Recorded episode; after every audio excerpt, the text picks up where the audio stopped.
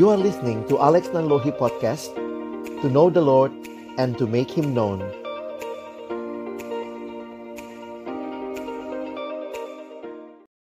Mari sebelum membaca merenungkan firman Tuhan kita berdoa. Bapa di dalam surga kami bersyukur untuk kesempatan pembinaan yang Tuhan berikan kepada kami. Bersyukur untuk setiap kami yang boleh datang dan berdoa menyerahkan pembinaan ini sepenuhnya dipimpin oleh Tuhan. Engkau yang boleh memberkati baik hambamu yang menyampaikan, setiap kami yang mendengarkan dan juga interaksi di antara kami. Tuhan tolonglah agar kiranya melalui apa yang kami pelajari bersama, kami boleh makin menghayati apa yang menjadi panggilan Tuhan bagi gereja Tuhan di dalam dunia ini. Menyerahkan waktu ke depan Tuhan yang memimpin, di dalam satu nama yang kudus, nama Tuhan kami Yesus Kristus, kami menyerahkan pemberitaan firman-Mu. Amin.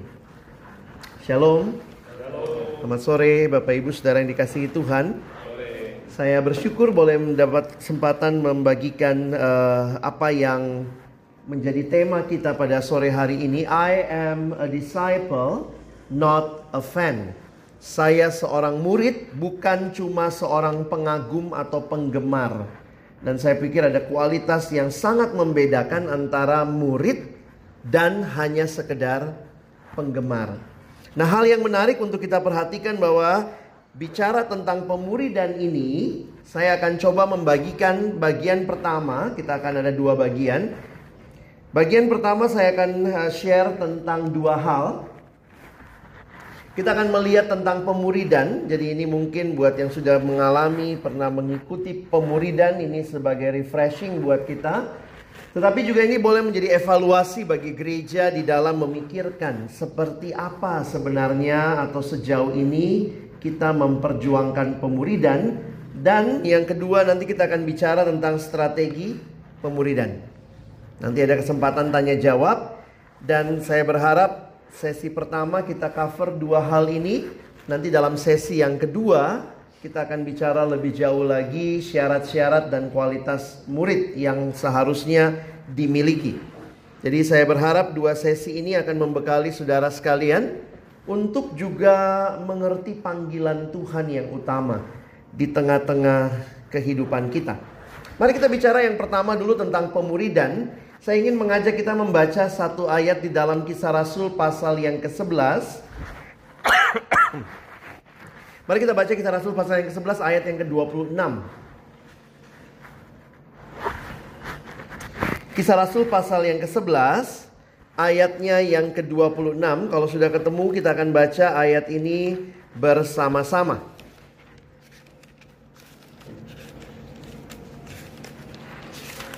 Satu dua iya. Mereka tinggal bersama-sama dengan jemaat itu satu tahun lamanya sambil mengajar banyak orang. Di Antioquia lah murid-murid itu untuk pertama kalinya disebut Kristen. Bapak Ibu yang dikasihi Tuhan, saya ingin kita mengerti eh, terlebih dahulu tentang istilah Kristen. Di dalam Alkitab kita sebenarnya hanya muncul tiga kali istilah Kristen. Di dalam perjanjian baru. Kalau kita perhatikan LAI menerjemahkannya sampai enam kali atau tujuh kali saya lupa ingat. Tetapi sebenarnya dalam bahasa aslinya istilah Kristen hanya muncul tiga kali di dalam perjanjian baru. Dua kali di dalam kitab kisah Rasul. Itulah kisah Rasul pasal yang ke-11 ayat 26.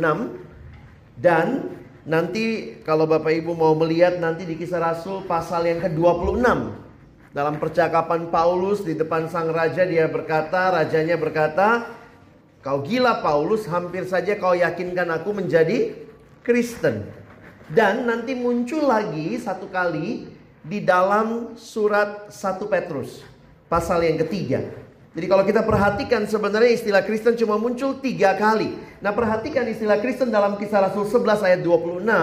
Pertama kali istilah ini muncul, ini adalah istilah yang lebih bersifat ejekan. Bagi orang-orang yang hidupnya mirip Yesus, dikatakan Kristen. Ada Kristus di dalam mereka.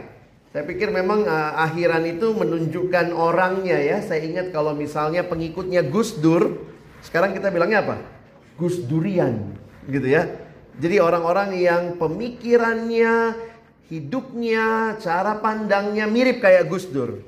Nah, waktu bicara orang seperti Kristus, mirip Yesus, mirip Kristus, istilahnya Christian, Kristen. Jadi istilah ini sebenarnya istilah yang bersifat ejekan pada awalnya. Nah, kenapa kita penting mengerti ini?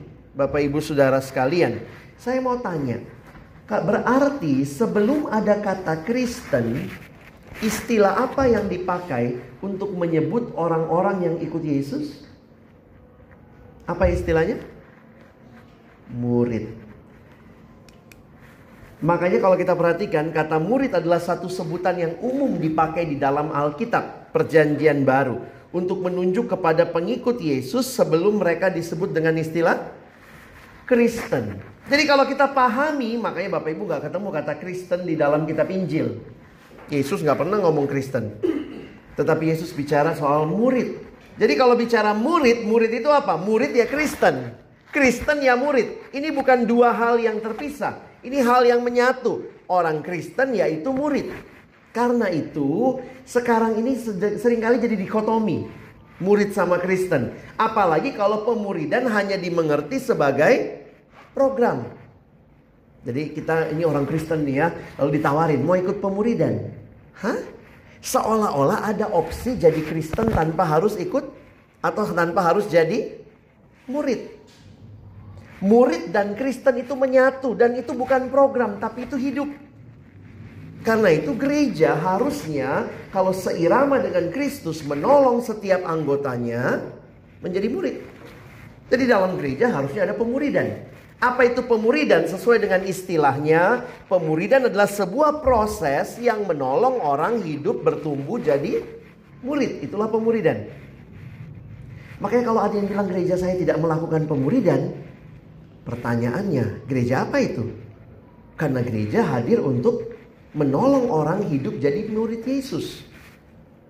Seringkali kata Kristen sekarang membuat kita jadi dikotomi antara Kristen dan pemuridan seolah-olah ada opsi boleh jadi Kristen tanpa harus jadi murid. Jadi saya klarifikasi dulu dari awal bahwa sebenarnya program utamanya semua gereja adalah membangun hidup orang-orang yang ikut Yesus. Kalau nanti Bapak Ibu mau cek, ini sedikit survei berapa kali istilah-istilah ini muncul ya. Kenapa saya tunjukkan? Karena memang menarik sekali ya. Kata murid itu atau kata matetes dalam bahasa Yunaninya itu menjadi bagian yang penting di dalam kitab Injil dan juga kitab Kisah Rasul. Nah, saya ingin mengajak sore hari ini secara khusus kita fokus kepada Injil Matius. Saya akan coba menolong Bapak Ibu melihat bagaimana konsep murid pemuridan di dalam Injil Matius. Nah, ini memang jadi pergumulan karena Saudara kita mesti paham juga begitu ya. Tidak banyak sekolah teologi bicara pemuridan. Jadi maksudnya begini, eh, beberapa beberapa orang-orang yang lulusan sekolah teologi ya nih, karena di sekolah teologi nggak diajarin soal pemuridan, yang diajarinnya khotbah, teologi, masuk ke jemaat, ketemu majelis-majelis yang dulu mungkin di kampus dari pembina sebelumnya ngertinya pemuridan. Jadi begitu bilang mesti buat pemuridan, kemungkinan besar kalau dia lulusan sekolah teologi ya bingung. Apalagi kalau belum pernah pemuridan. Kenapa? Nggak ada mata kuliah itu. Nah belakangan ini saya lihat beberapa sekolah teologi yang mulai memasukkan itu dalam kurikulum. Tapi juga jujur aja nggak banyak begitu ya. Jadi ada mata kuliah sekarang mata kuliah pemuridan dan kelompok kecil misalnya. Jadi dulu nggak ada pemuridan itu seolah-olah sebuah gerakan di luar gereja yang kemudian mulai masuk ke gereja. Nah sering kali banyaknya majelisnya yang ngerti pemuridan, pokoknya mesti pemuridan. Pendetanya bingung atau hamba Tuhan yang baru lulus sekolah teologi apaan tuh? Saya cuma diajarin bagaimana cara berkhotbah, bagaimana cara uh, penggembalaan. Nah, ini yang saya pikir kita mesti clear. Bersyukur sekarang sudah mulai ada STT-STT yang memiliki mata kuliah seperti ini.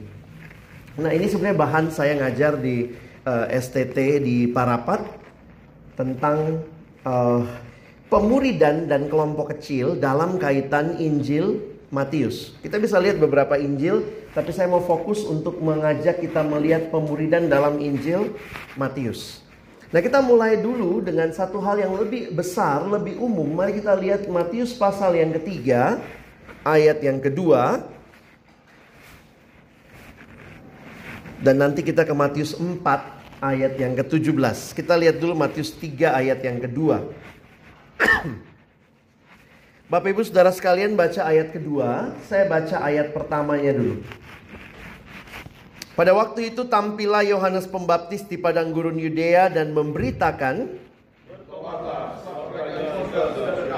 Ini beritanya Yohanes Pembaptis. Sekarang kita lihat Matius 4 ayat 17. Kembali saya baca, saya baca dulu ayat yang ke 12 dan 13. Saya baca 12 13. Teman-teman, Bapak Ibu, Saudara sekalian langsung baca 17 ya. Tetapi waktu Yesus mendengar bahwa Yohanes telah ditangkap, menyingkirlah ia ke Galilea. Ia meninggalkan Nazaret dan diam di Kapernaum di tepi danau di daerah Sebulon dan Naftali. 17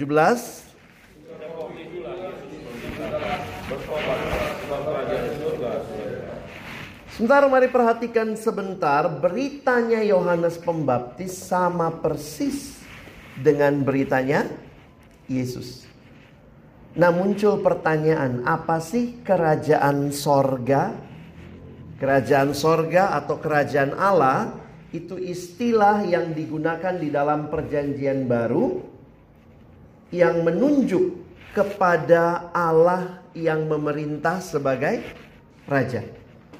Nah, kenapa ini jadi penting? Saya ingin memberikan gambaran kepada teman-teman, Bapak Ibu, Saudara sekalian, bahwa misi yang Yesus bawa itu mencakup kerajaan Allah.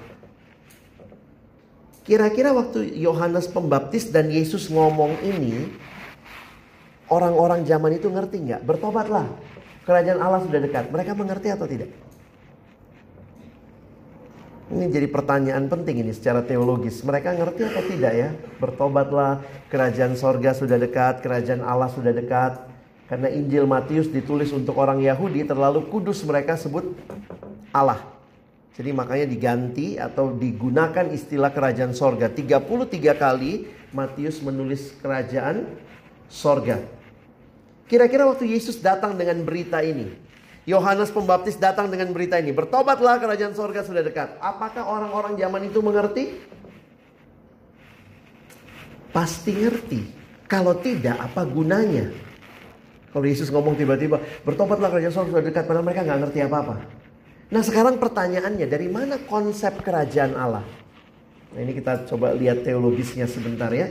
Konsep kerajaan Allah itu mengurat akar bahkan sejak perjanjian lama.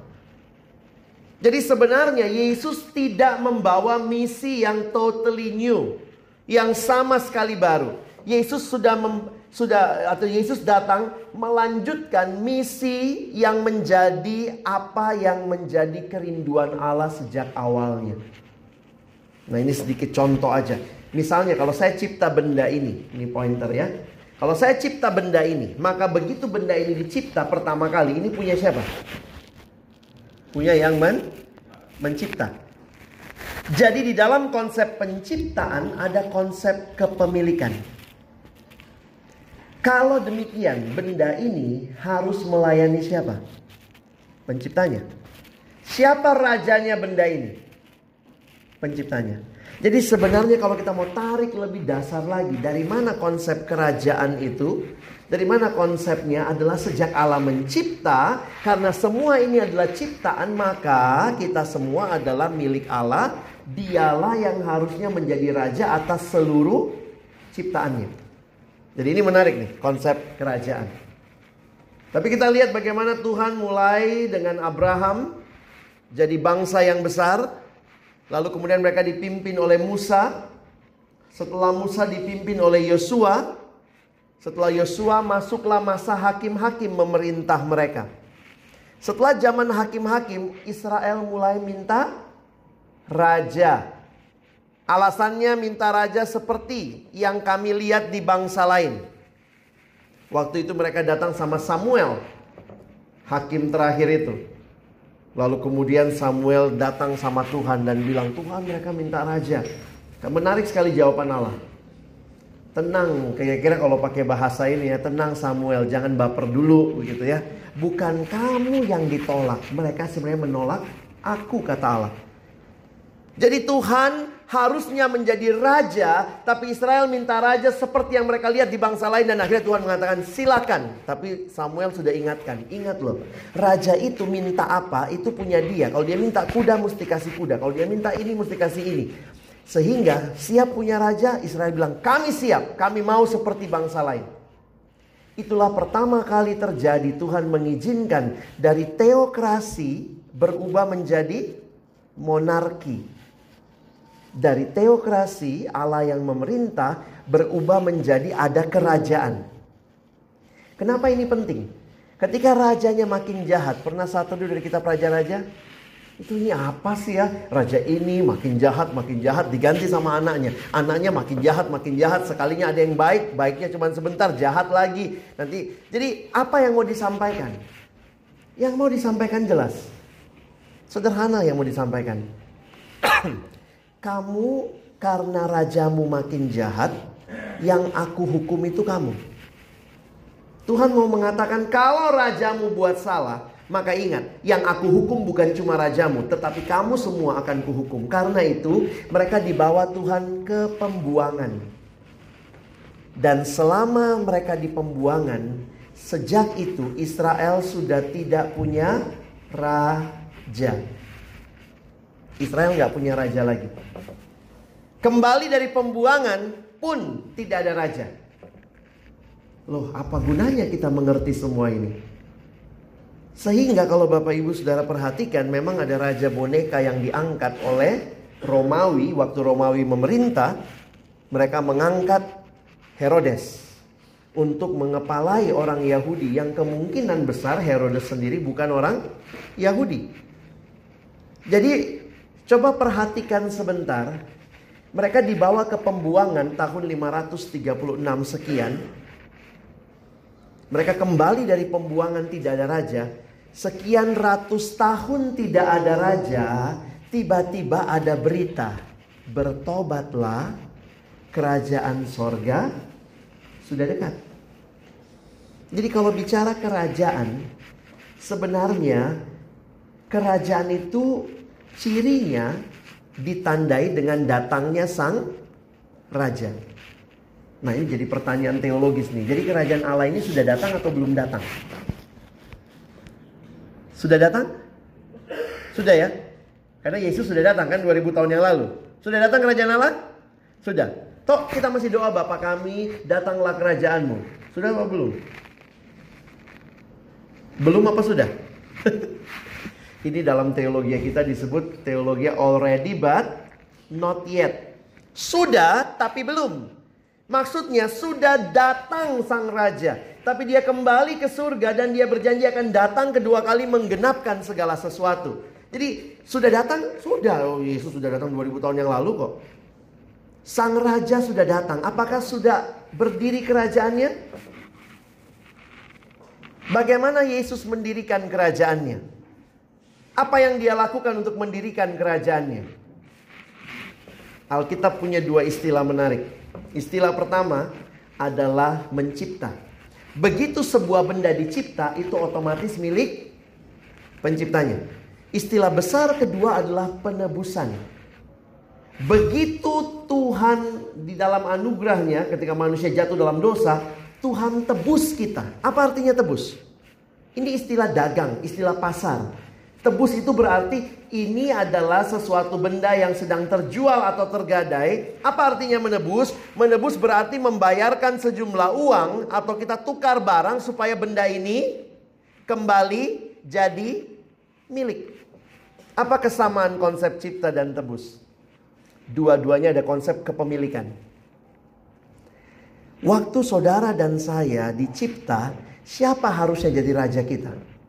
Allah diwakili dengan Israel yang memberontak kepada Allah. Tapi anugerah Allah luar biasa. Allah datang dan menebus kita.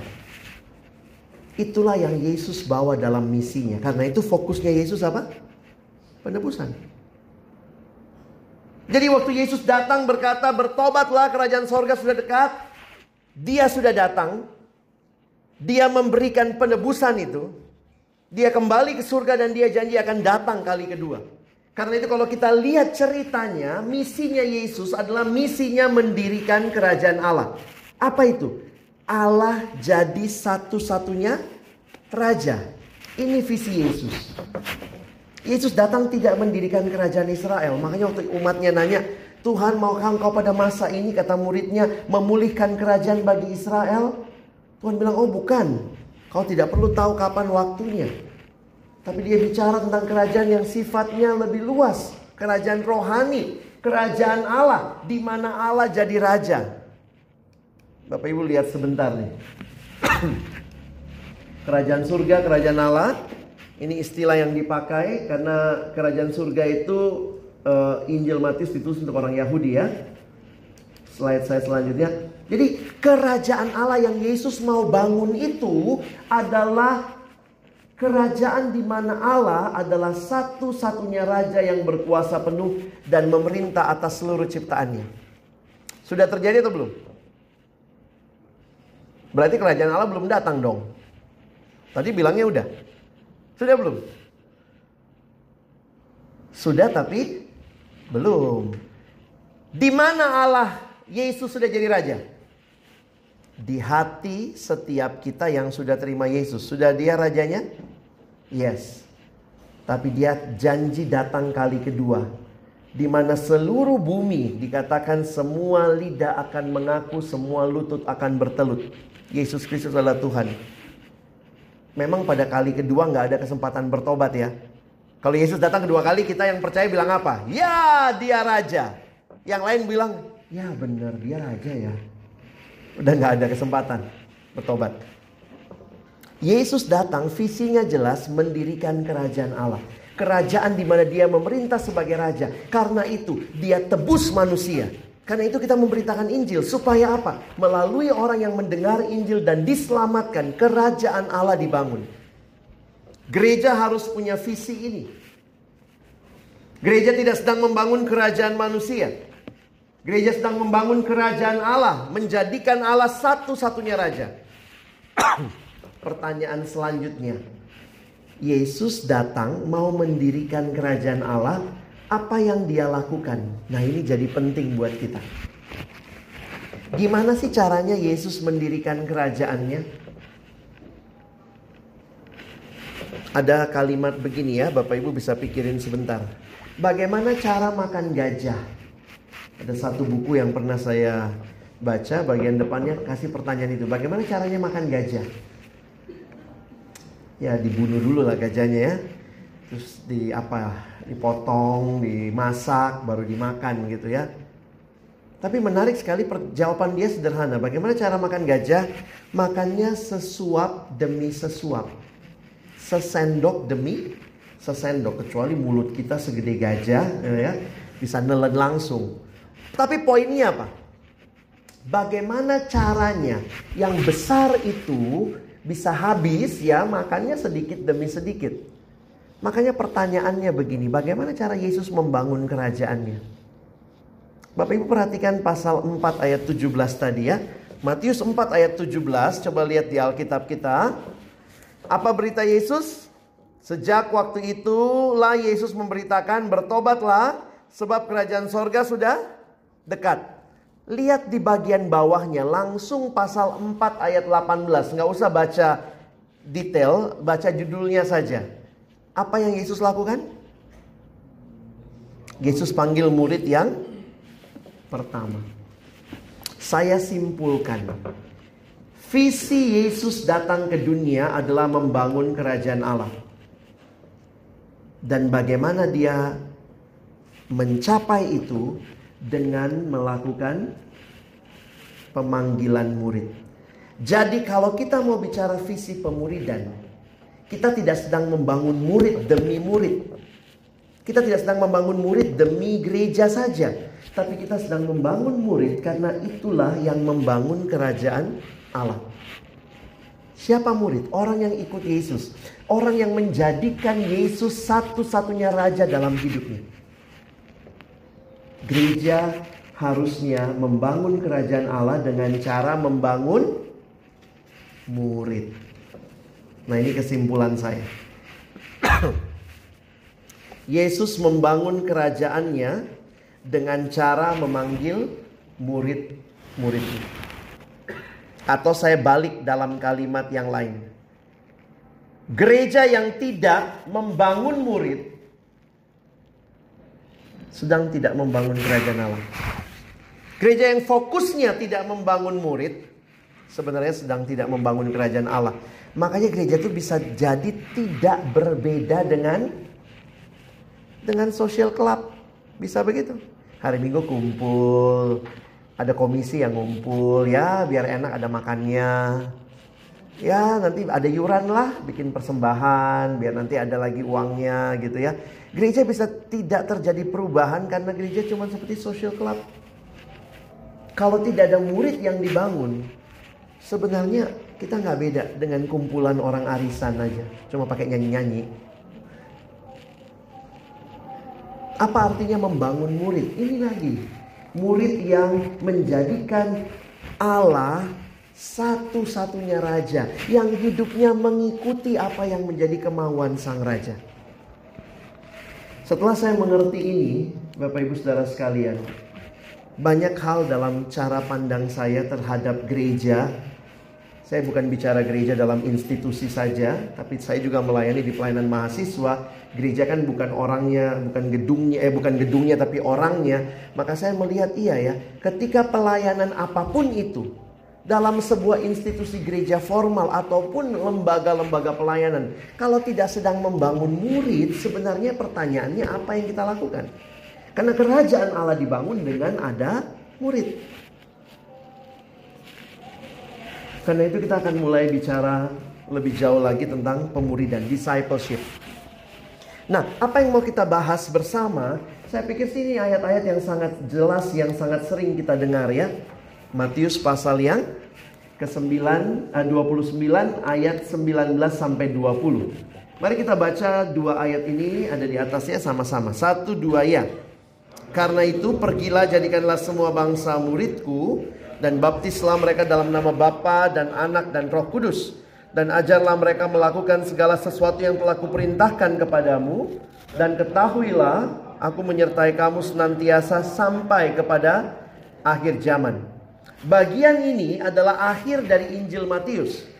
Ini adalah bagian akhir dalam pengutusan yang Yesus lakukan. Makanya kita kenal sebagai amanat agung. Saya nggak tahu ya, kalau kita dengar kata amanat orang Indonesia bayangannya apa ya? Amanat itu perintah ya. Cuma kadang-kadang kalau kita di sekolah dulu, amanat pembina upacara, terus istirahat semua orangnya. Jadi amanat pada itu beda, amanat sama amanah. Amanah itu pesan-pesan petua. Kalau amanat itu berarti perintah. Ini perintah terakhir Yesus. Karena perintah, Bapak Ibu bisa lihat ada kata perintahnya. Kata perintah dalam bahasa Indonesia biasanya pakai kata apa? Akhirannya apa? Akhirannya lah. Coba kita hitung ada berapa perintahnya. Pertama, pergilah satu. Yang kedua, jadikanlah. Yang ketiga, baptislah. Yang keempat, ajarlah. Yang kelima, ketahuilah masuk nggak? kecelek deh cuma ada empat nah Bapak Ibu nanti perhatikan ya dalam empat kata perintah ini kata perintah mana yang lebih utama karena ternyata dalam bahasa aslinya empat kata perintah ini munculnya tidak sama posisinya ada satu kata perintah utama dan tiga kata perintah lain adalah keterangan Mau lihat terjemahan lainnya? Bahasa Inggrisnya. Go, make disciples of a nation, baptizing in the name of Son, teaching. Yang mana kira-kira? Yang mana kata perintah utamanya? Go. Apakah kalau pertama pasti utama? Ternyata kata perintah utamanya adalah sesuai tema kita lah. Jadikanlah murid bagiku dari semua bangsa. Jadi kalau Bapak Ibu perhatikan, kata perintah utamanya sebenarnya ini. Jadi kalau cek bahasa Yunaninya, ini bentuk perintah utama, lalu tiga yang lain adalah perintah yang menjelaskan arahnya, memberikan arah. Jadi begini, apa tujuannya pergi? Pergi untuk jadikan murid. Apa tujuannya baptis? Baptis untuk jadikan murid. Apa tujuannya ngajar? Jadikan murid. Jadi Bapak Ibu bisa perhatikan nih. Tujuannya utamanya adalah menjadikan bagiku murid dari segala bangsa. Fokus Yesus membangun kerajaannya dengan membangun murid. Perintah terakhir Yesus sebelum dia tinggalkan untuk melanjutkan membangun kerajaannya adalah membangun, menghasilkan murid. Gereja kadang terlalu terbuai karena pikir ini yang paling utama. Pergi.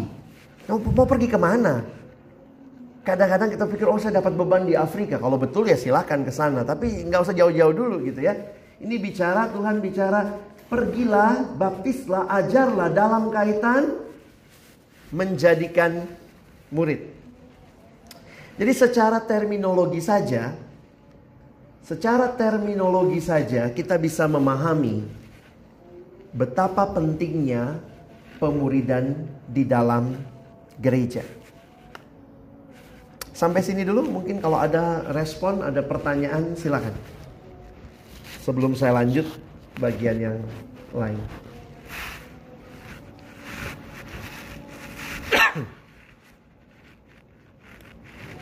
Iya, silakan. Kan kalau tadi di awal konsep tentang bagaimana Allah menciptakan segala sesuatunya. Tapi kan segala sesuatu adalah milik Allah. Iya. Tapi kenapa dia perlu menebus umatnya atau Hmm. Miliknya? Padahal semuanya itu adalah milik Allah karena dia yang cipta. Artinya panggilan untuk menjadi murid ini bukan untuk semua ciptaannya Hmm. atau hanya yang ditebus saja. Ini kan jadi Iya. Saya melihat bahwa Allah bekerja di dalam satu Jadi Allah ini pencipta yang luar biasa kalau pakai bahasa manusia humble-nya kali ya. Dia mencipta manusia yang bisa melawan dia. Itu saja sudah hebat sekali. Makanya dalam satu buku doktrin yang ditulis oleh Anthony Hukema, Hukema bilang sulit sebenarnya mengerti Tuhan menciptakan pada saat yang sama dia pakai dua istilah bahasa Inggris yang menarik. Tuhan menciptakan created person. Kalau bicara created, maka harusnya dia tidak punya free will. Tapi kalau dia cuma created, cuma ciptaan saja, dia seperti robot. Tapi Tuhan ciptakan created person. Dia bukan cuma person, person itu punya pilihan, bisa memilih pribadi. Tapi dia bukan pribadi yang bebas, dia pribadi yang created. Dari situ saja, dari doktrin manusia yang sangat mendasar itu kita mengerti bahwa Tuhan tidak melanggar sebagai Allah, dia tidak melanggar hal-hal yang menjadi hukum yang ditetapkan. Upah dosa adalah maut. Sehingga harus ditebus. Harus ada yang bayar upah dosa itu. Dan itu dia yang ambil menjadi tanggungannya dia supaya kita ditebus dan diselamatkan. Nah realitanya tidak semua orang ditebus. Penebusan bukan universal.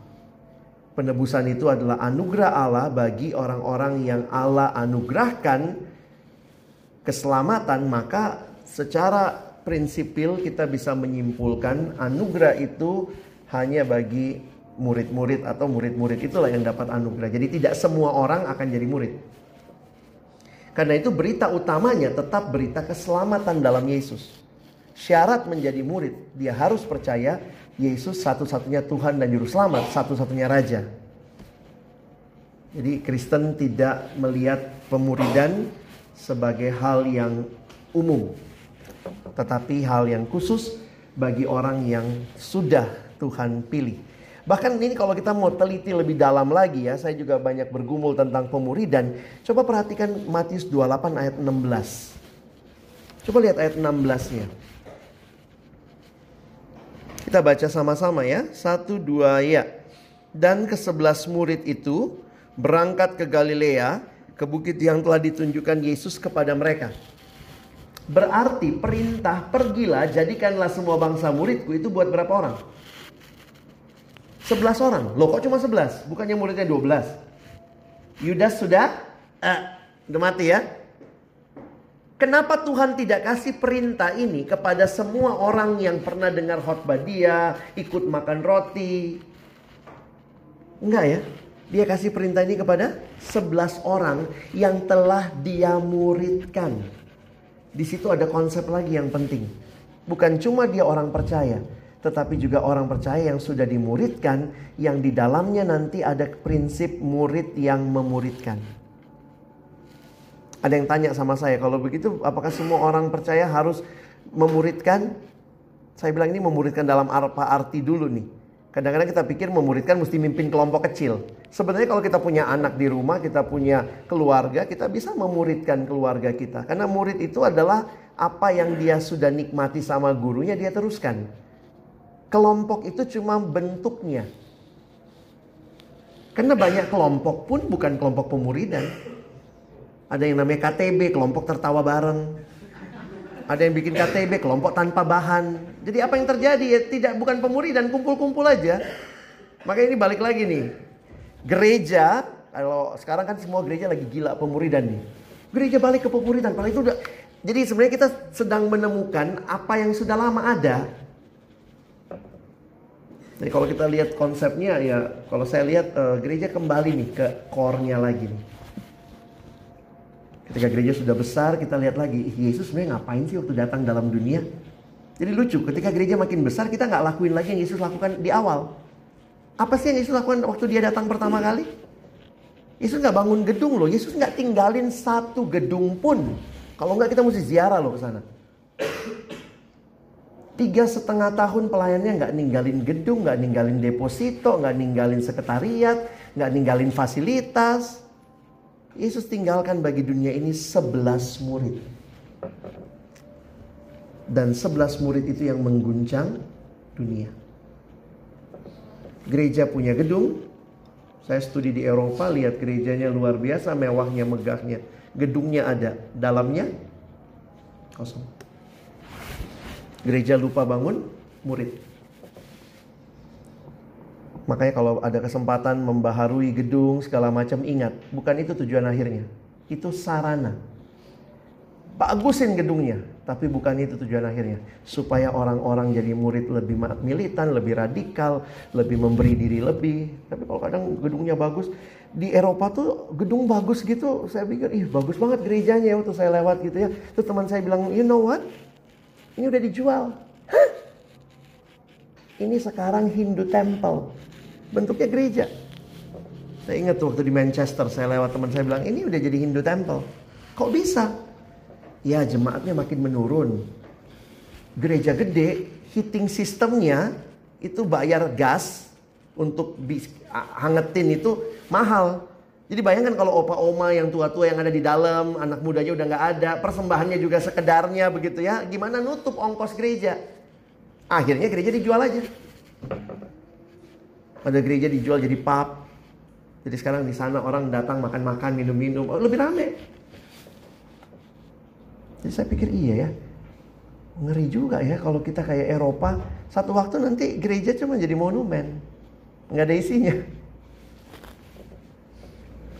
Puji Tuhan loh, Yesus tidak tinggalin satupun bentuk gedung yang bisa kita tiru ya.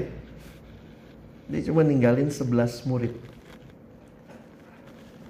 Ada pertanyaan lain? Silakan. Ya kalau ini konsep pemuridan ini, uh, maksudnya itu apakah ketika kita percaya sama Tuhan kita langsung jadi murid atau kayak murid itu uh, bahasa tipe nada level gitu. Jadi kita pertama mungkin mungkin bahasanya jadi fan dulu atau terus dia belajar mau baptis gitu baru oh oke okay, saya jadi murid dan apakah ketika misalnya saya belum jadi murid misalnya saya ya mungkin dramatisnya saya nggak sempet belajar mungkin dari hari-hari terakhir saya baru percaya apakah itu sebenarnya sama-sama diselamatkan atau gimana? Di dalam Alkitab tidak ada eh, apa ya? Tidak terlalu jelas Yesus begitu panggil itu murid langsung. Dan ingat semua orang yang mengikut jadi kalau kita dalamin lagi Injil ya, tapi itu memang kalau lagi kuliah saya mesti ajarin begitu. Jadi kalau lihat di dalam kitab Injil, siapa itu yang disebut murid? Beberapa kali istilah murid itu menunjuk kepada siapa pun yang ada di sekitar Yesus. Kadang-kadang itu menunjuk hanya kepada 11 orang. Eh, sorry, 12 orang. 12 rasul ya. Kadang-kadang itu ya kepada mungkin tiga orang tuh. Ada kelompok intinya lagi, Petrus, Yakobus, Yohanes. Jadi kita mesti lihat berbagai tingkatan level. Nah, makanya saya pikir jangan jangan confuse dengan sebutannya. Semua orang yang ikut Yesus namanya murid. Nah, tetapi buat kita yang tidak tahu, kalau kita bicara keselamatan, kita mesti selalu ingat ya, kita kan nggak tahu keselamatan orang ya, tapi kita mengertinya, Yesus sendiri bilang, lalang sama gandum dibiarkan tumbuh bersama. Kapan ketahuan ini lalang, ini gandum? Nanti akhir zaman. Jadi poinnya adalah kita journey bersama nih, sama-sama berjalan dalam pemuridan. Nanti, oh dia udah percaya nih, dia nih lagi bergumul nih untuk percaya, kayaknya susah banget dia percaya. Tapi sebenarnya ini sedang kita sedang dalam satu tahapan bersama. Nanti akhirnya sih itu di hadapan Tuhan ya. Cuma bagaimana kita menolong? Nah, saya melihat pertama-tama bahwa Tuhan Yesus sebenarnya memanggil dulu. Nanti kita akan coba lihat uh, sedikit ya tentang pemanggilan. Yesus panggil dulu sehingga memang ada beberapa orang menjadikan itu sebagai sesuatu yang rigid. Rigidnya apa? Di beberapa kurikulum pemuritan saya lihat begini, harus terima Yesus dulu baru bertumbuh. Nah ini memang konsep yang saya juga pikir ya benar ya Alkitab juga mengatakan nggak mungkin orang yang mati secara rohani bisa bertumbuh. Nggak ada tuh ceritanya. Tapi sering kali kita karena nggak tahu dia mati rohani atau sudah bangkit rohaninya, maka saya pikir kita secara humble itu ditolong sekali dengan pola pelayanan kaum muda saat ini. Pola pelayanan kaum muda saat ini kadang-kadang orang tidak bisa dibina model kurikulum jadul yang mesti ini dulu, baru ini, baru ini, baru ini. Di dalam pelayanan kaum muda beberapa nasihat yang diberikan adalah izinkan mereka jam kapan saja. Loh kayak nggak ada bentuknya. Tapi itu adalah menolong kita menyadari mana tahu melalui itu juga cara Tuhan buat dia. Selalu kita mesti ingat, kita sedang dalam perjalanan dan perjalanan kita belum selesai. Ada orang yang mungkin bertobatnya ya. Kemarin kami baru adakan pelatihan penginjilan. Ada satu anak. Ini anak yang tadinya latar belakang M jadi Kristen dan di rumahnya belum ada yang tahu. Jadi dia kalau pulang ke rumah masih pakai kerudung. Dan dia bilang, saya itu uh, tertariknya sama orang Kristen awalnya karena saya kalau lihat orang Kristen doa makan. Jadi dia di sekolah waktu SMP lihat temennya tuh kalau doa makan serius banget, benar-benar tutup mata lipat tangan. Sementara dia bilang kalau saya doa makannya udah cepet habis. Jadi saya pikir-pikir bahwa iya ya dia melalui itu jadi kesaksian yang sangat biasa itu ternyata berkesan buat dia.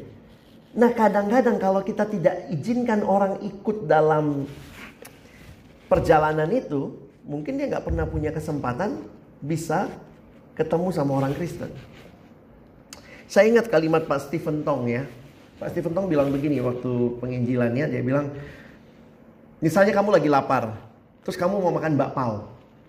Makan bakpao pertama, makan bakpao kedua, makan bakpao ketiga, mulai kenyang, bakpao keempat makin kenyang, bakpao kelima kenyang banget. Pertanyaannya, bakpao mana yang bikin kamu kenyang banget? Yang terakhir? Semuanya. Nah, terus Pak Stephen bilang begini, jangan-jangan kamu cuma bakpao pertama buat orang itu. Atau kamu bakpao kedua atau bakpao ketiga. Bapak Ibu saya kalau PI, kalau misalnya saya sering diundang KKR ya. Kalau orang kalau KKR ya, siapa yang mau terima Yesus? Itu mungkin udah bapau kelima tuh terima Yesus ya. Nah, dia angkat tangan. Dulu saya bangga juga gitu, gila ya, gue KKR tuh berapa puluh bertobat tuh. Tapi sejak saya dengar ilustrasi itu saya jadi ngerti. Kalau dia sampai angkat tangan, mungkin saya cuma bapau kelimanya. Bapau pertamanya mungkin papa mamanya di rumah. Yang doain anak ini dari kecil Mungkin bapau keduanya guru agamanya di sekolah. Who knows? Bapau ketiganya mungkin guru sekolah minggunya. Bapau keempatnya mungkin pembina remajanya. Saya cuma pas KKR angkat tangannya di saya. Nah ini yang kadang-kadang saya jadi mengerti juga ya. Kalau kita mensekat-sekat orang dia nggak boleh ikut ini, nggak boleh ikut itu. Tapi kalau kita izinkan dia ikut, saya pikir itu jadi kesempatan mungkin Ya, kalau dia belum bertobat, pertobatan itu kan bukan usaha kita. Itu anugerah Allah kok, pekerjaan Roh Kudus. Jangan kita take it for granted berapa bertobat, berapa bertobat seolah-olah itu pekerjaan kita. Enggak. Jadi saya makin terbuka untuk melihat khususnya melayani generasi ini, ya udah jalan aja bersama dia. Dulu saya tanya dulu, udah terima Yesus? Yakin? Kalau yakin baru saya kelompok kecilin. Sekarang nggak begitu. Kak, saya pengen tahu nih Kristen. Ayo, ya kita ngobrol. Ngobrolnya di mana? Di kafe. Ayo. Kenal kalau langsung ke gereja, ini konsistori gereja di pastori, uh, ngeri gitu ya. Jadi ada hal-hal yang dalam perkembangan kita melihatnya iya ya. Yesus pun tidak punya sekretariat loh. Pemuridan itu terjadi di dalam seluruh hidup, di mana saja bisa.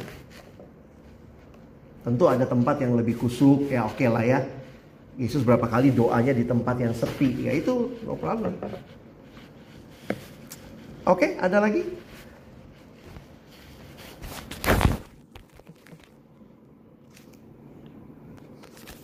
Kita lanjut sebentar ya. Jadi kalau Bapak Ibu sudah tangkap visinya Yesus yang harusnya jadi visi gereja yaitu membangun murid di awal sampai akhir pelayanan fokusnya jelas, jadikan bagiku murid dari semua bangsa.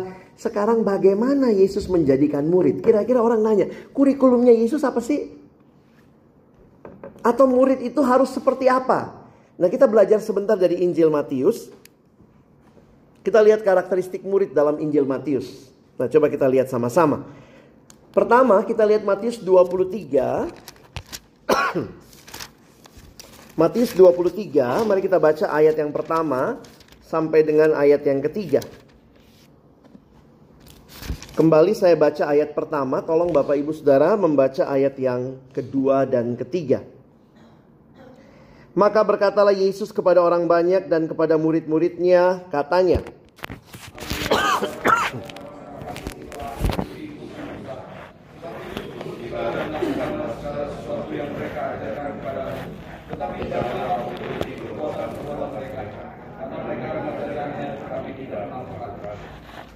Saudara dulu saya mikirnya Yesus itu benci sama semua tentang Farisi.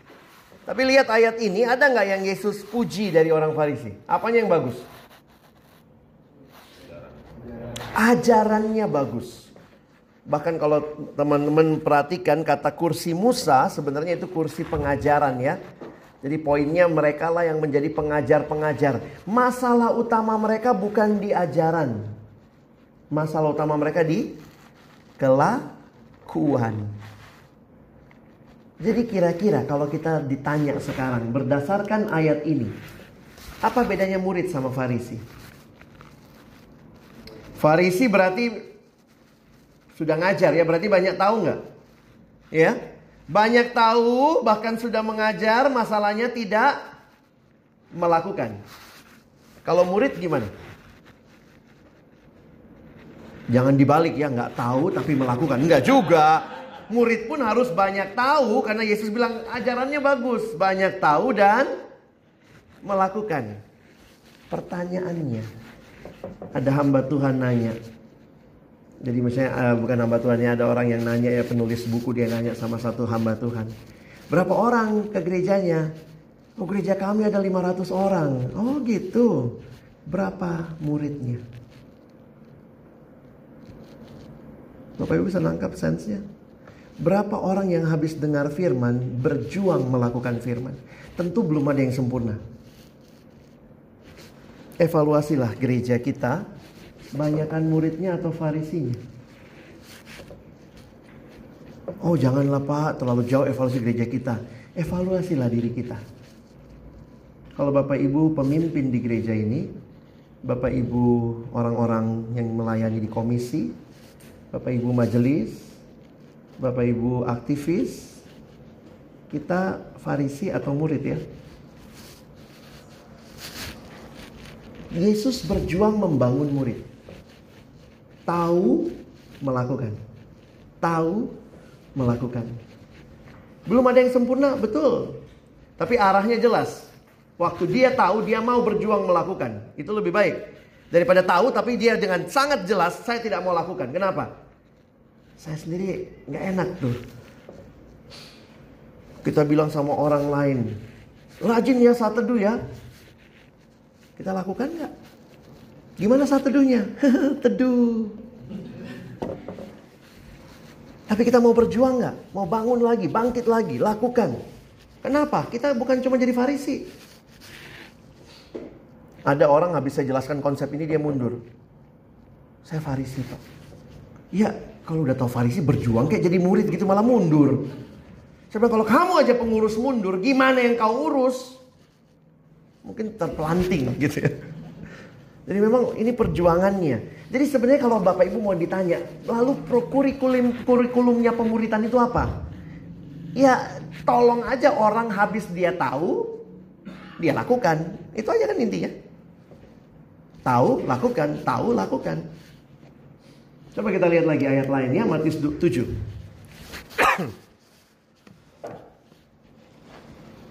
Coba kita lihat Matius 7 ayat 24 sampai 27. Ini adalah bagian dari khotbah di bukit. Yesus khotbah dari Matius pasal 5 sampai Matius pasal 7. Menarik sekali di akhir pasal 7 dia bicara perumpamaan. Saya baca ayat 24, Bapak Ibu sekalian baca ayat 25, kita bergantian sampai 27. Dua macam dasar setiap orang yang mendengar perkataanku ini dan melakukannya, ia sama dengan orang yang bijaksana yang mendirikan rumahnya di atas batu.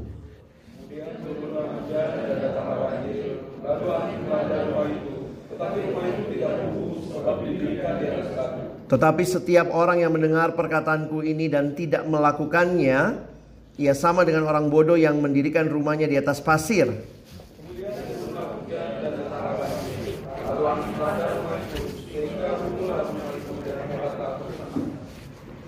Ada berapa jenis orang di sini? Dua. Orang apa dan orang apa? Orang bijaksana dan bijaksini. Bijaksana atau bijaksini yang bodoh. Apa persamaan keduanya? Bangun rumah itu ilustrasinya. Apa persamaan keduanya? Sama-sama men dengar. Kelihatan nggak ayatnya? Setiap orang yang mendengar perkataanku ini dan melakukannya. Di bawahnya, setiap orang yang mendengar perkataanku ini dan tidak melakukannya. Bapak Ibu saya agak agak terpesona dengan cara Matius menegaskan dia mencatat kalimat-kalimat Yesus yang menegaskan tentang melakukan. Jadi orang bijaksana itu orang yang dengar, orang bodoh sama dengar juga. Jadi setelah Yesus ngajar begitu panjang, ternyata dia memberikan gambaran ada dua kemungkinan orang, kamu bijaksana atau bodoh. Kalau kamu pulang dan lakukan, kamu bijaksana. Seperti orang yang mendirikan rumahnya di atas batu. Tetapi kalau kamu pulang dan tidak melakukan, sesudah banyak dengar, kamu seperti orang yang bodoh. Yang mendirikan rumahnya di atas pasir. Nah ini jadi pertanyaan buat kita. Kita ulang lagi pertanyaannya dari gereja kita banyakkan orang bodoh atau orang bijaksana? Komisi kita banyakkan orang bodoh orang bijaksana? Diri kita bodoh atau bijaksana? Saya masih bodoh sih Pak, saya juga. Tapi saya berjuang jadi bijaksana. Saya tidak tahu berapa lama kita sudah di gereja jadi orang Kristen dengar firman-firman yang baik. Tapi sudah dilakukan belum? Kalau begitu pemuridan itu apa? Segala sesuatu yang dilakukan supaya orang bisa melakukan apa yang dia dengar. Di situlah saya jadi sadar gereja itu bukan cuma harus kuat mimbarnya. Cari pembicara yang bagus-bagus. Oh bisa jadi ajarannya bagus selesai diajarkan jemaat bergumul. Kenapa? Karena nggak melakukan. Jadi ini pergumulan kita nih. Gereja boleh besar, tapi berapa muridnya? Gereja boleh besar, tapi berapa orang bijaksananya? Terakhir nih, Matius 7:21, sedikit di atasnya. Kita baca sama-sama ya, Matius 7 ayat 21. 1 2 Iya. Bukan setiap orang yang berseru kepadaku Tuhan, Tuhan akan masuk ke dalam kerajaan sorga. Melainkan dia yang melakukan kehendak Bapakku yang di sorga. Balik lagi, Matius memberikan penekanan yang cukup kepada melakukan. Perhatikan ayat ini, ayat ini Yesus tidak bilang bahwa untuk masuk kerajaan sorga harus melakukan kehendak Bapa. Karena kalau demikian seolah-olah keselamatan karena perbuatan. Tidak. Perhatikan Yesus lagi bicara tentang ajaran sesat. Lihat atasnya, konteksnya. Waktu itu ada pengajar-pengajar sesat. Kan itu Yesus mau mengatakan, bukan mereka yang menyebut Tuhan, Tuhan yang masuk kerajaanku. Tapi dari mana seorang murid kesejatiannya dibuktikan? Dari kelakuannya. Pohon dikenal dari buahnya. Begitu lihat apel, oh ini pohon apel. Jadi Yesus sedang mengajarkan Hati-hati dengan kerohanian palsu. Nah, itu bisa terjadi loh. Kita itu bisa sangat rohani karena budaya. Makanya di dalam Alkitab ada dua kata tentang berubah. Ada orang berubah mirip kayak bunglon Bapak Ibu. Di suasana rohani jadi rohani. Di rumah rohana. Bisa begitu? Di kantor bisa beda. Berubah nggak? Berubah juga, tapi ngikutin lingkungan. Sementara perubahan yang Alkitab katakan, Roma 12 ayat 2, bicara transformasi, kata yang dipakai menarik, metamorfosa.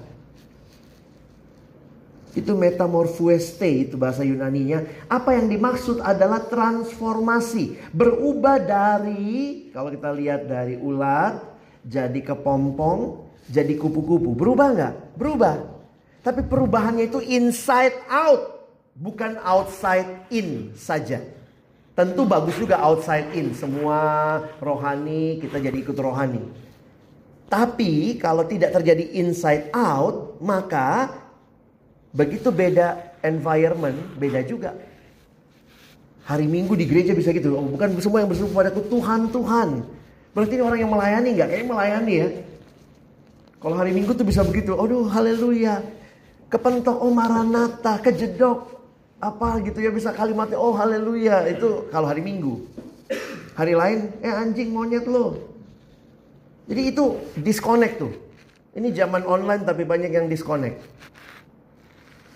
Dan Yesus bilang bukan orang yang kalimatnya Tuhan Tuhan. Jangan do not just be a Sunday Christian. Hari Minggu Kristen banget pakai bulutan di atas kepala.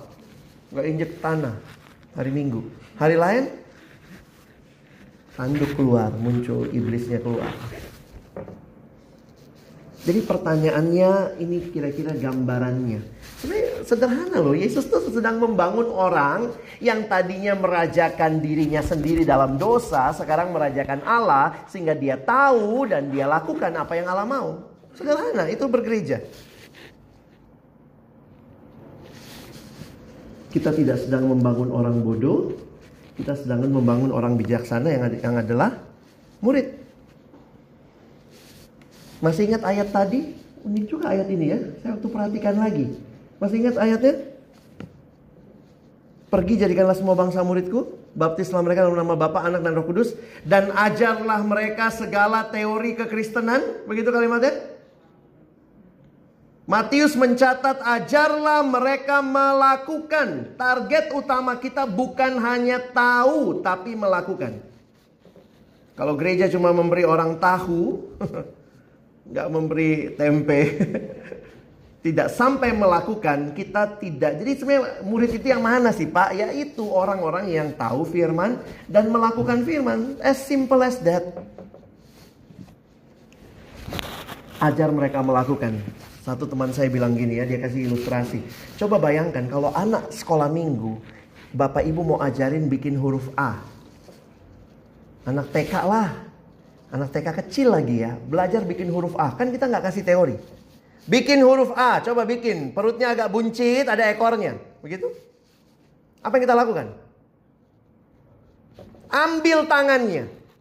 Pegang tangannya. Ini A, ini A. Ulang lagi. A. Yesus menolong muridnya. Mereka bilang, Tuhan ajarlah kami berdoa. Begini kalau berdoa. Bukan hanya dengan pengajaran, dari, dari hidup Yesus. Pagi-pagi benar waktu hari masih gelap. Mereka lihat Yesus pergi ke mana.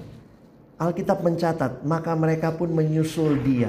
Kenapa bisa disusul? Itu kebiasaan Yesus. Yesus bukan cuma ngomong, tapi melakukan yang dia omongkan. Sehingga muridnya bisa nyusul, pagi-pagi benar mereka nyusul Yesus ke tempat yang sepi, dia berdoa di sana. Pemuridan itu bukan cuma kurikulum bagi bahan, tapi hidup yang transparan yang bisa dilihat. Karena itu seorang bernama Dawson Trotman mencoba menggambarkan profil murid yang dirindukan. Profil muridnya seperti apa? Dia menggambarkan dengan nama ilustrasi roda. Ini gampang mengingatkan kita ya. Ilustrasi roda ini dia mengatakan sama seperti roda yang muter itu apanya? Porosnya. Maka roda itu yang muter porosnya. Maka di pusat hidup harus ada Kristus. Makanya materi-materi pembinaan selalu awalnya terima Yesus dulu kan. Sesudah itu dia akan terhubung dengan dua jari-jari. Satu jari-jari yang vertikal hubungan dengan Allah. Satu jari-jari yang horizontal hubungan dengan sesama. Dari saya bicara ke Allah namanya do doa. Allah bicara kepada saya melalui firman. Makanya dari sekolah minggu kita ajarin adik-adik kita bagaimana bertumbuh. Baca kitab suci, doa kalau sempat, kalau sempat gitu. Loh kadang-kadang mungkin kita lebih baik besok ikut sekolah minggu. Coba evaluasi hidup kita. Bertumbuh nggak? Nggak usah pakai ayat firman dari lagu sekolah minggu itu. Bertumbuh nggak kita? Baca kitab suci, pernah pak baca. Doa pernah pak. Masalah saya pak setiap hari. Hmm. Padahal lagunya masih begitu. Baca kitab suci, doa tiap hari. Kalau mau tumbuh. Jangan-jangan lagu kita udah ganti. Sudah jadi pengurus komisi tapi lagunya tidak baca kitab suci, tidak doa tiap hari, tidak baca kitab suci, tidak doa tiap hari, tidak baca kitab suci, tidak doa tiap hari, tidak bertumbuh. Mau pakai gaya? Tidak bertumbuh, tidak bertumbuh. Saya kadang-kadang mikir iya ya, memang sulit jadi murid. Waktu masih kecil lebih gampang dibilangin, begitu gede banyak banget alasannya. Sibuk, susah, Kadang-kadang saya mikir, coba bayangkan kalau Tuhan yang gantian ngomong sama kita. Aku sibuk, mampus kita. Mati kita. Jadi murid itu sebenarnya sederhana. Ikut Yesus, lakukan apa yang dia lakukan. Memuridkan itu apa? Tolong orang melakukan seperti yang Yesus mau. Dari mana dia bisa lihat? Lihat di hidup kita. Yang memang sudah melakukan itu. Kalau tidak, kita cuma ikut Yesus. Iseng-iseng ikut. Iseng-iseng jadi pengurus. Ah, Yuk main pengurus-pengurusan ya. Kamu ketua-ketuaan, saya sekretaris-sekretarisan, bendahara-bendaharaan. Kenapa? Kita sedang main gereja-gerejaan. Nggak ada murid di sini. Tapi kalau ada murid, ada harapan buat gereja. Dan muridnya dari mana? Dari pemimpinnya. Dari Bapak Ibu sekalian. Yang benar-benar berjuang jadi murid. Nggak gampang loh. Saya nggak mau bilang gampang ya. Sulit. Bukan cuma sulit, bahasa Inggrisnya sulit. Kadang-kadang kita take it for granted gitu ya. Tapi bukan cuma itu, harus ada relasi dengan sesama. Karena itu dia bagi dua. Bapak dosen Trotman bilang ada dua relasi. Dengan orang percaya ke dalam, ke dalam kita harus rajin bersekutu. Keluar dengan orang yang belum percaya kita harus rajin bersaksi. Nah dia gambarkan hidup murid yang utuh itu relasi dengan Tuhannya dapat dengan sesamanya juga bagus. Dan dia bilang kalau namanya roda, jari-jari boleh nggak panjang sebelah? Maaf pak, saya cuma suka doa, nggak suka baca Alkitab. Gimana roda bisa muter? Satu panjang begini, satu segini doang. Pengkor rodanya gitu ya. Oh pak, saya cuma suka baca Alkitab saat teduh di rumah saja. Saya nggak mau datang ke gereja. Di, di gereja semua isi orang munafik. Banyak yang suka gitu ya. Menilai gereja, padahal dengan cara itu pun dia jadi munafik juga. Nah mungkin kita perlu bikin lagu baru ya biar utuh. Baca kitab suci, doa tiap hari, rajin bersekutu dan giat bersaksi. Cuma saya nggak tahu lagi lanjutannya gimana. Karena jangan-jangan juga anak-anak kita jadinya malas begitu makin gede nggak datang persekutuan, nggak mau melayani, bersaksi, jadi berkat, cari pengurus susah di gereja. Kenapa? Ya lagunya masih sangat vertikalis. Baca kitab suci, doa tiap hari, doa tiap hari, doa tiap hari. Ya udah nggak keluar. Nah ini kalau kita terjadi, saya pikir Yesus bangun ini loh waktu dia datang. Makanya waktu dia kembali ke surga, muridnya udah tahu mesti ngapain. Nah sekarang penutupnya sesi ini sebelum kita makan malam Bapak Ibu ya. Pertanyaannya bagaimana cara membentuk murid seperti ini? Dalam pengalaman proses pemuridan apa sih yang dilakukan? Saya kasih gambaran begini. Kalau misalnya KKR itu KKR itu seperti saya, Bapak Ibu maaf ya, Bapak Ibu bayangannya gambarannya adalah botol-botol yang terbuka, tutupnya. Bapak Ibu anggap dirimu botol gitu ya. Botol yang terbuka tutupnya. Lalu saya pembicara KKR, saya ambil air, saya siram. Saat ke Bapak Ibu sekalian. Botol yang dekat dengan saya akan terisi lebih banyak. Yang belakang terisi, terisi satu dua tetes. Itu gambaran kalau gereja hanya punya kelompok besar. Kelompok besar perlu, tetap perlu, jangan ditiadakan. Mimbar tetap harus memberitakan firman. Tetapi bagaimana caranya supaya yang dengar firman melakukan firman? Itu kan tujuannya. Maka kalau kita perhatikan dari hidup Yesus, dia punya strategi pelayanan yang sangat menarik. Yesus betul melakukan tiga hal ini. Dia melakukan pelayanan pribadi, dia melakukan pelayanan kelompok yang lebih kecil, dia melakukan pelayanan massal, dia layani 5000 orang.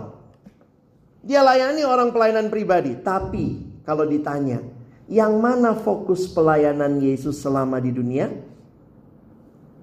Kelompok kecil. Yang dia share hidupnya tiga tahun setengah bersama mereka siang dan malam, menolong mereka jadi murid. Saya bisa khotbah kerendahan hati. Bapak Ibu bisa catat. Oh, apa? Pertama tadi kerendahan hati. Hat, pertama, lihat dirimu di hadapan Tuhan. Kedua, mesti belajar rendah hati, belajar terima sesama. Yang ketiga, tapi pertanyaannya, setelah dengar khotbah rendah hati, sudah rendah hati?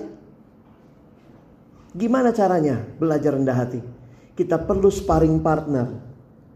Karena itu gereja mulailah terbuka lagi. Salah satu strategi utama pemuridan adalah kelompok kecil. Gereja yang hanya mengandalkan mimbar besar, pasti jemaatnya banyak tahu. Tapi bagaimana menolong? Siapa yang pegang seperti tangan anak kecil yang dipegang itu? Itu penting. Ada orang-orang yang berjalan bersama. Yang sedang jadi murid. Kita belum ada yang tamat jadi murid. Sedang jadi murid dan membagi hidupnya memuridkan orang lain. Sebenarnya itulah pemuridan. Ada orang-orang yang memberi diri memimpin kelompok dan berharap di dalamnya lahir lagi murid-murid yang terus. Nanti dia bimbing lagi orang yang lain. Karena itu kalau kita perhatikan pelayanan Yesus bertumpu kepada pelayanan small group. Paulus dan Timotius juga teladan pemuridan. Nah, tapi bagi saya Paulus dan Timotius itu pelayanan pribadi. Jadi jangan jadi ini kalau kita lihat utuhnya ya, yang mana yang membentuk murid? Semuanya membentuk murid. Karena itu gereja yang sehat harusnya punya semuanya. Mimbar besarnya ada, ajarannya sehat, kelompok-kelompok kecil yang menolong mempraktekkan firman ada, orang dilayani pribadi pun ada. Dan harusnya ini jadi kekayaan kita. Kalau mesti fokus, maka mungkin kita fokus kepada kelompok kecil. Berapa lama Yesus menciptakan pemimpin kelompok kecil? Tiga tahun setengah loh. Banyak gereja datang sama saya minta konsultasi sama perkantas. Pak, gimana caranya menghasilkan pemimpin dengan cepat? Kami sudah bikin training, Pak. Saya bilang pemimpin tidak dilahirkan dari training. Yesus tidak melahirkan pemimpin dari training. Dia melahirkan pemimpin dari membagi hidupnya dengan pemimpin itu siang dan malam. Jadi ada cara cepatnya nggak Pak? Saya nggak tahu caranya. Kalau saya pelajarnya sih nggak ada Pak. Tapi bisa nggak Pak? Kami sangat butuh nih harus ada pemimpin tahun ini. Saya nggak mau pakai nama pemimpin kali Pak ya, fasilitator lah. Karena belum kualitas pemimpin. Pemimpin itu kan benar-benar istilahnya dia, dia juga benar mengalami dan mau membagi hidupnya. Jadi memang kalau kita perhatikan ya ini ini jadi pergumulan ya buat banyak gereja yang mau serius dengan pemuridan adalah membentuk kelompok-kelompok pemuridan. Pertanyaannya siapa yang memuridkan? Nah, siapa yang siap? Saya belum sempurna, Pak. Ya, kalau tunggu sempurna Yesus datang pun saudara belum melayani. Tapi bagaimana kriteria dasarnya? Paling tidak sudah berjuang jadi murid dan mau memuridkan lagi. Jadi saya berharap pemahaman ini jadi kalau kayak sekarang orang ngomong pemuridan kelompok kecil harus bikin kelompok kecil di gereja. Jangan juga cuma asal ikut. Pemuridan bikin kelompok kecil. Poinnya kelompok kecilnya buat apa? KTB tadi. Tertawa bareng tanpa bahan. Tambah dosa. Ya. KTD itulah ya. Karena ada yang bilang gitu, ini ya kami ya tadi kami sharing, Pak. Itu sharing apa gosip? Tipis bedanya ya sharing sama gosip. Dia bilang enggak pak, ini ini sharing bener pak. Bedanya apa? Kami tutup dengan doa. Habis ngomongin orang tutup sama doa. Jadi kayak dibaptis jadi sharing itu ya. Nah jadi bapak ibu saya berharap uh, melalui pembahasan dua uh, dua materi ini tentang strategi eh, pemuridan dan strategi pemuridan. Kenapa sampai kita bicara tentang kelompok kecil? Ini dalam rangka membangun murid. Saya melihat Yesus di akhir hidupnya mempercayakan pelayanan ini bukan kepada 5.000 orang. Tapi kepada 11 murid. Kenapa? Karena itu harus terjadi dari orang yang sudah mengalami hidup yang dimuridkan. Saya kasih contoh lah ya, ini salah satu keterbatasan kelompok besar. Kelompok besar bagus nyampein doktrin, undang pembicara, lalu semua dengar doktrin yang sama. Tapi ketika membangun hidup, kelompok besar sulit. Misalnya pendeta khotbah ya, jemaat ada 100 misalnya. Terus pendeta bilang, oke okay, minggu lalu saya khotbah tentang pentingnya saat teduh. Baik, mulai saya mau, mau cek satu-satu ya. Hari minggu mau cek, gimana Pak Dani? Udah dilakukan? Udah pak pakai bahan apa pak? Susah apa tidak? Apa pergumulannya? Oke, terima kasih. Pak Hendri, gimana? Ini kalau kayak begitu pendetanya, itu jemaat yang belakang kapan gua? Makanya kelompok yang besar gampang menyampaikan ide, tapi menolong orang apa sih pergumulannya? Kenapa sih dia nggak sampai saat teduh? Padahal kita udah tahu. Nah itu butuh orang yang berjalan bersama. Nah karena itulah kita butuh sebenarnya gereja seperti kita ini Gereja Kristus saya dari GPIB ya, masih saudara kan sebenarnya ya. Kita tuh dibagi komisi itu sebenarnya sederhana supaya lebih bisa memperhatikan orang lagi dalam kelompok yang lebih kecil. Sekarang banyak orang bilang, ih bagus tuh gereja mana, GPCC, mereka bikin date. Salah satu yang menarik di date-nya GPCC adalah apa? Katanya beberapa orang membahasnya apa yang dibahas sih? Apa sih materinya? Orang kan kelompok kecilnya tuh bagus banget. Apa sih materinya? Khotbah pendeta hari Minggu didiskusikan bagaimana penerapannya. Jadi kadang-kadang kalau tanya apa materi kelompok kecil, apa sih yang di khotbahin kemarin? Pikirin aja gimana kita perjuangin melakukan. Terus ada teman yang doain, minggu depan dicek lagi. Lu gagalnya di mana? Didoain lagi. Tapi dalam kelompok yang kecil, bayangkan kalau kelompok besar mau dicek satu-satu, bisa pulang 4 jam kita baru pulang ke rumah gereja. Nah, jadi saya pikir gereja harus sadar pemuridan penting dan bagaimana menghasilkan murid, gereja mesti memikirkan caranya. Oke, kita selesai dulu untuk sesi yang pertama ya. Nanti uh, kita lanjut sesi yang kedua. Saya tutup doa dulu. Bapak Surgawi terima kasih banyak buat pemahaman demi pemahaman yang Tuhan berikan. Tolong kami bisa memahami dan pada akhirnya kami juga didorong untuk benar-benar jadi murid yang mengerti dengan jelas bagaimana membangun kerajaanmu sehingga kami juga terdorong memuridkan.